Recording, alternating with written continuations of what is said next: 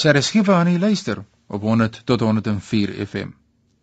Vanmiddag gesels ek met Ronel Kleinhans en sy is afkomstig van die departement bedryfsielkunde aan die Universiteit van die Vrystaat waar sy verskeie vakke, voorgraads, nagraads asook by die Sakeskool doseer.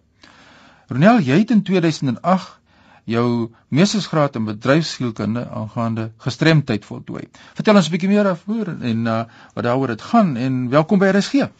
Middag van die middag luisteraars. O, dis vir my baie lekker om hier te wees. Ja. Sjoe, dis 'n dis 'n mondvol vraag daarin. Ehm um, ek het in 2008 my M daan voltooi, ja. En ehm um, my fokus van my M was oor die verandering van houdings van ehm um, mense sonder gestremthede teenoor persone met gestremthede, veral fisieke gestremthede en hierdie houdingsveranderinge reg te kry deur middel van interaktiewe drama. Ja, jy sê interaktiewe drama as 'n metode van verhoudingsverandering as ek nou reg het.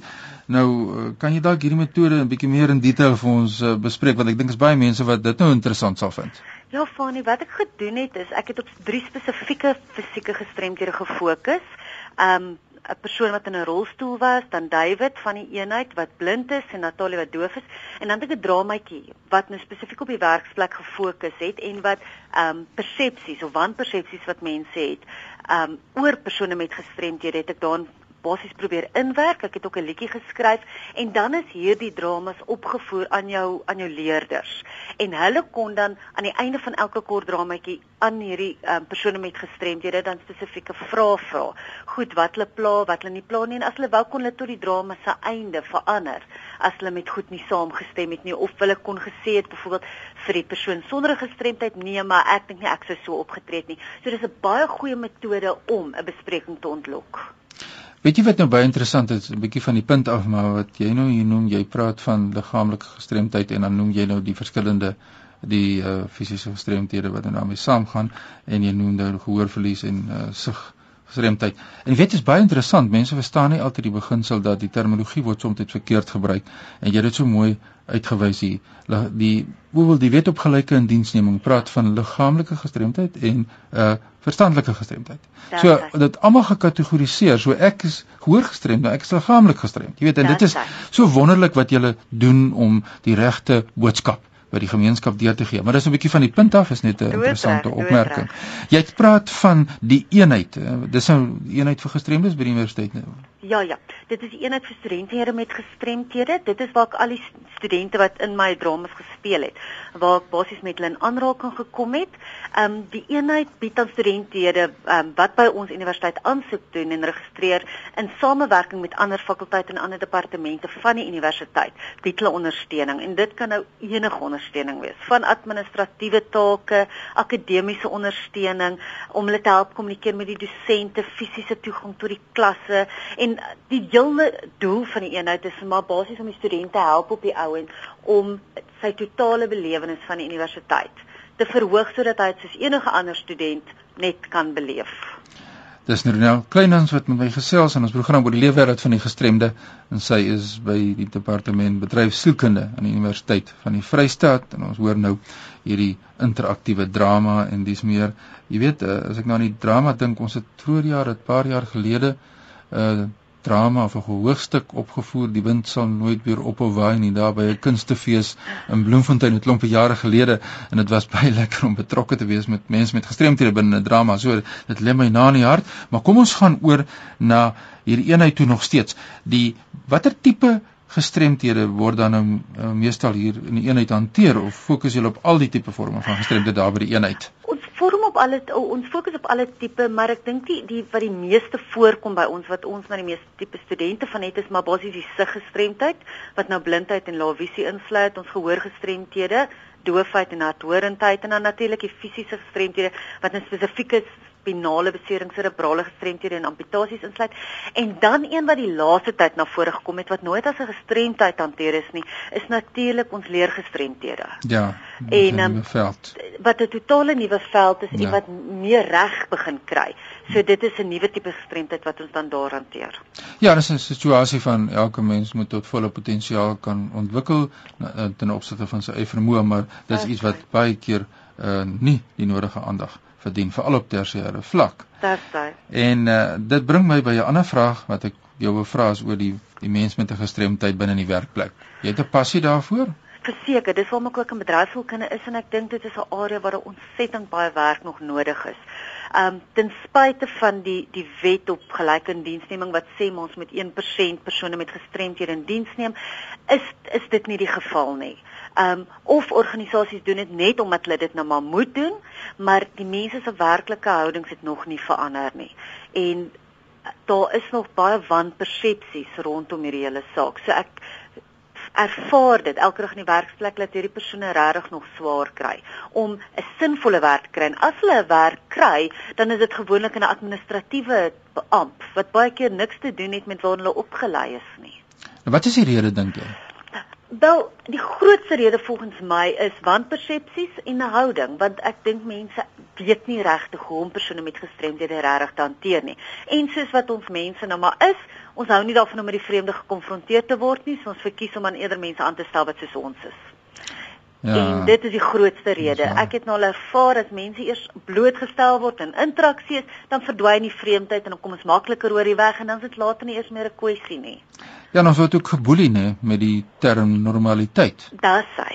Jy weet almal praat van normaal, praat van uh kinders met gestremdhede of skole vir gestremdes in normale skole. Dis hy. So dit gaan ja, oor 'n persepsie en 'n woordkeuse. Ja. ja, en uh kom ons kom terug tot jou studie. Ek het in die inleiding van die program verwys na jou studie. Die uiteindelike resultate van jou studie is baie wat ek nou net gesê het. Die oomblik wanneer mense meer en meer met persone met fisiese gestremdhede of enige ander gestremdheid gekonfronteer word, miskien in die begin omdat hulle moes, want dit is wat die studie gedoen het in die begin, en later omdat hulle wil, hoe meer verander hulle houdings en hoe meer gemakliker begin hulle raak en naderhand verdwyn die gestremdheid en begin hulle die mens agter die gestremdheid raak sien. En dit het net weer bevestig dat ons moet osself baie keer dwing om buite die boksie te gaan met enigiets wat vir ons vreemd is. Dit dalk te konfronteer in die begin is dit vir ons sleg, maar later hoe meer ons dit doen, hoe meer gaan die vreemdheid weg en hoe meer raak dit net nog 'n persoon met vermoëns wat 'n taak regtig goed kan verrig. Ons ken mekaar nie. Dis hy, ons ken mekaar nie. Ek sê altyd vir mense, ons verstaan nie dat daar mense is wat doofgebore is mense wat later doof geword het, heeltemal mense wat gehoor gestremd is met 'n mindere mate van gehoorverlies in my spesialiteitsveld nie. En as ons mekaar nie ken nie, dan ken ons mekaar nie se mekaar se behoeftes nie. En hoe kan ons dan nou in die werkplek mense suksesvol plaas as ons nie weet wat is die mense behoeftes nie? En ek dink dit is 'n groot mate ook van onkunde. Ja. Ja. Baie onkunde van ek weet nie hoe ek veronderstel met die ou te hanteer nie en ek weet nie mag ek hom nou vra of mag ek hom nou nie vra hoe moet ek jou hanteer nie. Ja, ja, ons het die beste wetgewing denkbaar maar ons het meer blootstelling aan mekaar nodig. Is dit wat jy probeer sê? Dis hy, blootstelling en om miskien daai ekstra myl te stap en sê, "Goed, ek gaan na die oue kans gee." Nou wat sê jy vir vir luisteraars wat dan nou uh, ingeskakel is en dis miskien werkgewers? Hoekom moet hulle ons mense met gestremthede gelyke geleenthede gee? Vir my gaan dit oor kyk verby die persoon se onvermoë en kyk na sy vermoë. Moenie vaskyk in die gestremdheid nie.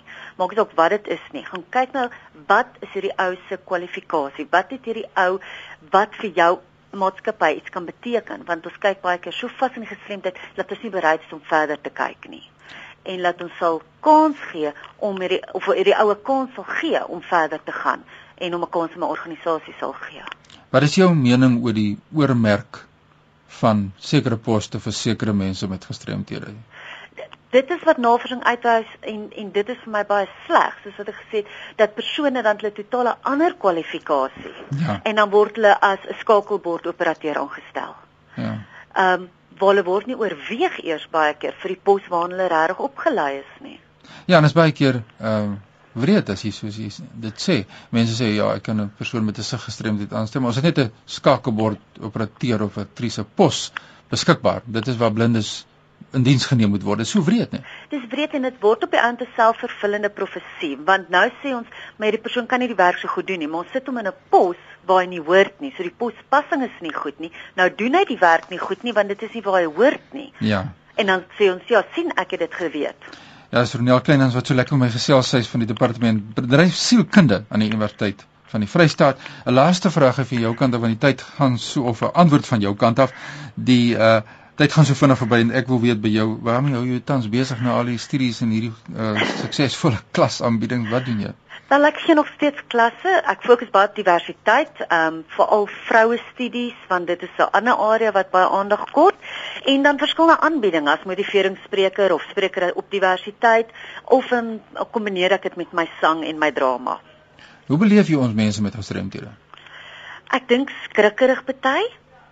Skrikkerig in die sin van hoe gaan ander mense hulle hanteer tot hulle agterkom waar staan hulle met 'n ander persoon en dan ontspan hulle en dan s' hulle baie keer net hulle self.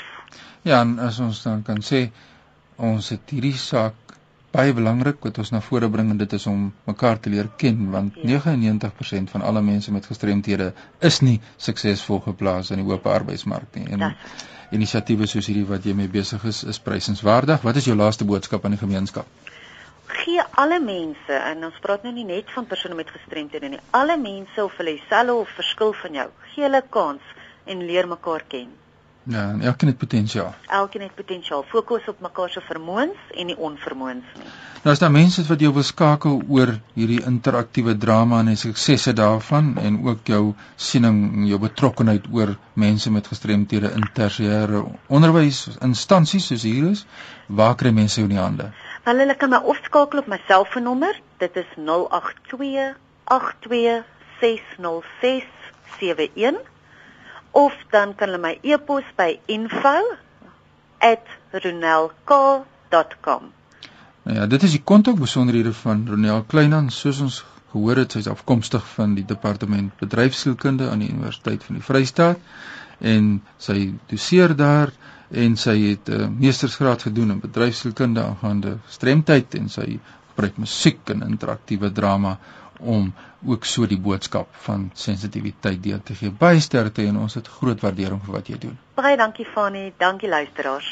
Nou ja, so leer ons dis die mense wat 'n verskil maak in die leefwêreld van ons mense met gestremthede. Indien u 'n storie het om te vertel, stuur sommer nou 'n e-pos aan my by fanie.dt by mweb www.co.za. En onthou, hierdie program word Saterdae aande in deernag herhaal. Ons groet uit Kaapstad.